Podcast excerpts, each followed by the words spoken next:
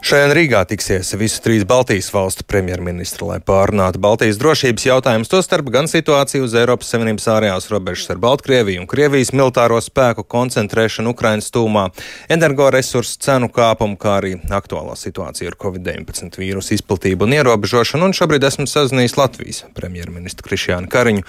Labrīt! Labrīt! Šķiet, daudz laika vajadzēs visiem šiem jautājumiem. Viss tāda gan ietilpīgi būs gara saruna. Eh, nu, mums sāksies kaut kur ap pusdienu laiku, nu būs uh, vairāk stundu gara. Uh, mums ir ļoti daudz tēmu, protams, mēs jau pastāvīgi kontaktējamies viens ar otru. Šoreiz mēs klātienē varēsim runāt šos visiem mums svarīgos jautājumus. Kas šajā sarunās ir primārais no šiem piesauktiem tematiem? Tas pats primārais ir reģionālā drošība. Nenoliedzam mums jārunā gan par situāciju uz Baltkrievijas robežas, gan arī eh, par Krievijas militāro spēku eh, klātbūtni, kas šobrīd ir pie Ukrainas. Eh, mums jau, protams, labums tas, ka mēs visi trīs esam NATO dalība valstis. Ja skatās uz mums visām trim kopā, Eh, tad Baltijas valstīs šobrīd ir 26 no visām 30 NATO bruņoto spēku klātbūtni. Tātad NATO ir ļoti eh, aktīvs mūsu reģionā. Eh, mēs arī ļoti aktīvi katrs ieguldam savā aizsardzībā un strādājam kopā mūsu NATO partneriem. Bet, protams, mēs aicinām, lai NATO stiprina savu klātbūtni visā austrumu flangā, taiskaitā Baltijas valstīs. Jā, pirms brīža Uģis stāstīja par uh, ASV izlūkdienestu brīdinājumiem, par iespējamām Krievijas uh, provokācijām. Uh, tāpat arī vakar pienāca ziņas par to, ka Krievija izvietojusi Baltkrievijā aptuveni 30 tūkstoši karavīru pie Ukrainas robežu. Baltijas valstu apdraudējums ir uh, pieaudzis.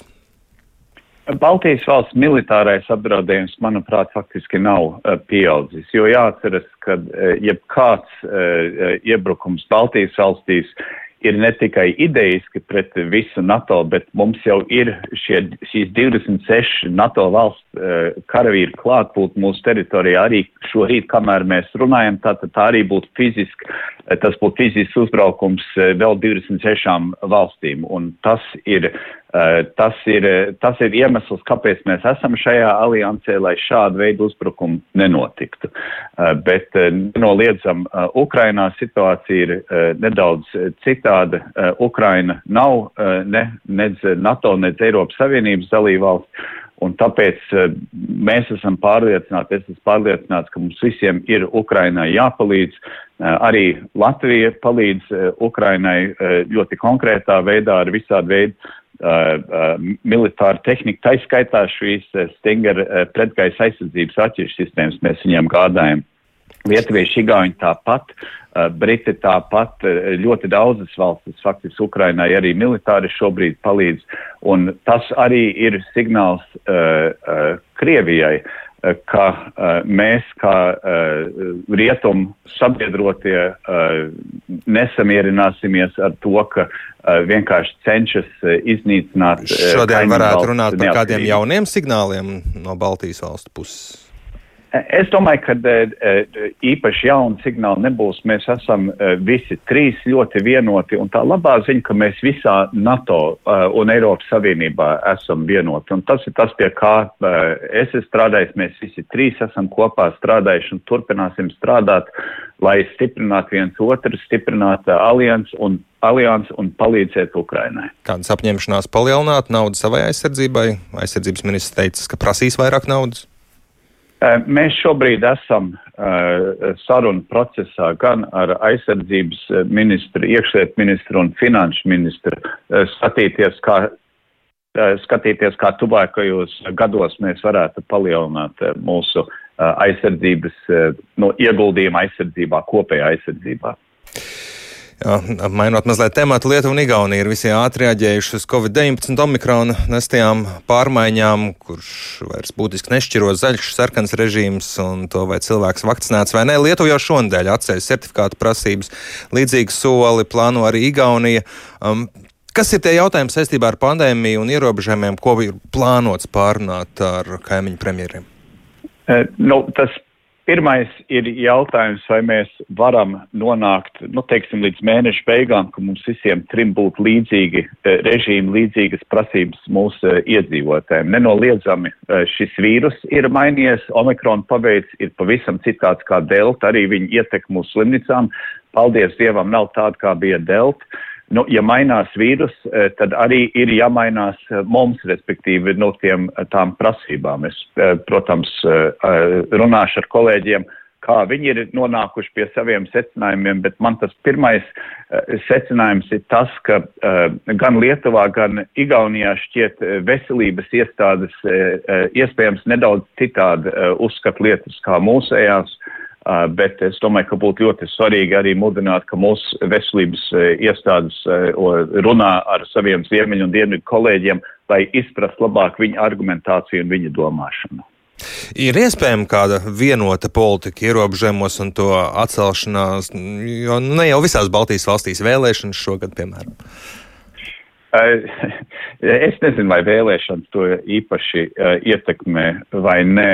Uh, nav, nav nekad viegli uh, vienoties ar kaimiņiem par, par šādām lietām. Mēs esam redzējuši šo, šo trīs gadu, gandrīz jau tagad trīs gadu laikā. Uh, mēs redzam to pašu starp Vāciju un, un Franciju, Nīderlandu, Beļģiju, uh, Luksemburgu. Tur ir, ir bijuši ļoti dažādi uh, nosacījumi, kaut gan viņi cieši kaimiņi saistīti viens ar otru.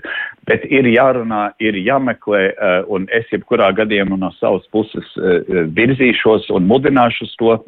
Īpaši, kā es teicu, lai mūsu veselības iestādes runā ar saviem ziemeļu un dienvidu kolēģiem un izprot, kā viņi, e, kāpēc viņi spēr soļus un uz kādiem datiem un uz analīzi viņi balstās. Iespējams, tas varētu palīdzēt, e, varētu teikt, e, argumentācijā vai, vai, vai domāšanā, kā mēs varētu lietas uzlabot. Pārnāsiet jautājumus arī enerģētikas politikā, reaģējot uz cenu kāpumu. Ko šeit var darīt Baltijas valsts kopīgi? Eh, Baltijas valstīs mums vidējā termiņā ir milz izaicinājums, proti mēs saražojam pārāk maz elektrības. Mēs eh, kopumā eh, katrs, mēs importējam vissliktākā situācija pašā Lietuvā, bet mums arī ir deficīts, tātad mums ir jāiet uz lielāku ražošanu. Mums ir viens projekts jau konkrēti, viņš ir procesā ar Igauniju, tas ir vējas, tas ir jūras vēja parks starp starp Lietuvu, es atvainojos, starp Latviju un, un Igauniju, tur nu, ne tā no ainužiem, bet eh, jūrā ārā. Uh, tas uh, palīdzēs, bet mums vajag vēl, vajadzīgs vēl vairāk jaudas, jo, jo vairāk mums būs uh, iekšējās saražotās jaudas, jo, protams, mazāk mums būs jāimportē, mazāk mēs būtu atkarīgi no, no, teiksim, no šīm te milzu svārstībām, un cenas arī būtu vidējā termiņā zemākas, jo, ja ir lielāks piedāvājums, Eh, pret pieprasījumu, tad, protams, cenas iet uz leju. Tā tad jauda palielināšana ir pats galvenais. Jā, gan Igaunijā, gan Lietuvā par šo tēmu runājot augstākajos politiskajos līmeņos izskan runas un tādas apņemšanās par mazu atomelektrostaciju eh, būvniecību. Latvija arī ko tādu varētu apsvērt. Atceros, pirms eh, gadiem desmit bija doma par vienu kopīgu Baltijas valstu atomelektrostaciju, kas izgāzās. Kādas Latvijas domas šajā jautājumā? Nu, man vakar bija uh, tikšanās ar, ar Latviju energo uh, padomi, un izrādās arī mūsu lielais valsts energo uzņēmums skatās un domā šajā virzienā. Tur ir nepieciešams analīzes, kādas izmaksas, kāda veida stacija. Nenoliedzami, ja mēs Baltijā, ne tikai Latvijā virzāmies, un mēs virzīsimies prom no Krievijas dabasgāzes izmantošana dažādu iemeslu dēļ, mums vajadzēs e, tā saucamās bāzes jaudas. Nu, tas, kas vienmēr uh, darbojās, nevienmēr saules spīd, nevienmēr vējš pūš. Un uh, atomenerģija ir tāds risinājums, ko Somija izmanto, Zviedrija izmanto, Franči, daudzas valstis Eiropā izmanto.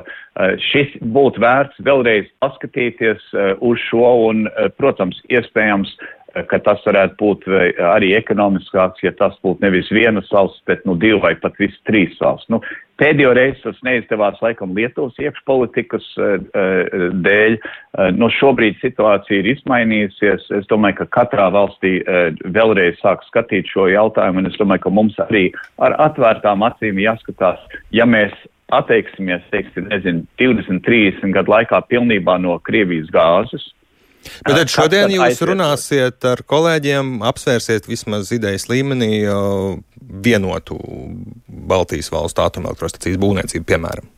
Es nezinu, vai mēs šodien uh, konkrēti par atomu uh, spēkstaciju, jo tas uh, tur ir arī, kā saka, tīri tehniski un ekonomiskie apsvērumi, bet uh, mēs runāsim par to, es uzklausīšu arī, ko man uh, kolēģi uh, saka, kā viņi šobrīd saredz savus valsts uh, energo uh, jauda attīstības jautājumu un cik viņi ir vai nav ieinteresēti starpvalstu sadarbībā. Mēs redzam, ka ar Igauniju tas jau notiek, viņi ļoti ieinteresēti. Eh, Lietuva līdz šim ir nedaudz atturīgāka bijusi, bet nu redzēsim. Eh, iespējams, ka tas arī mainīsies.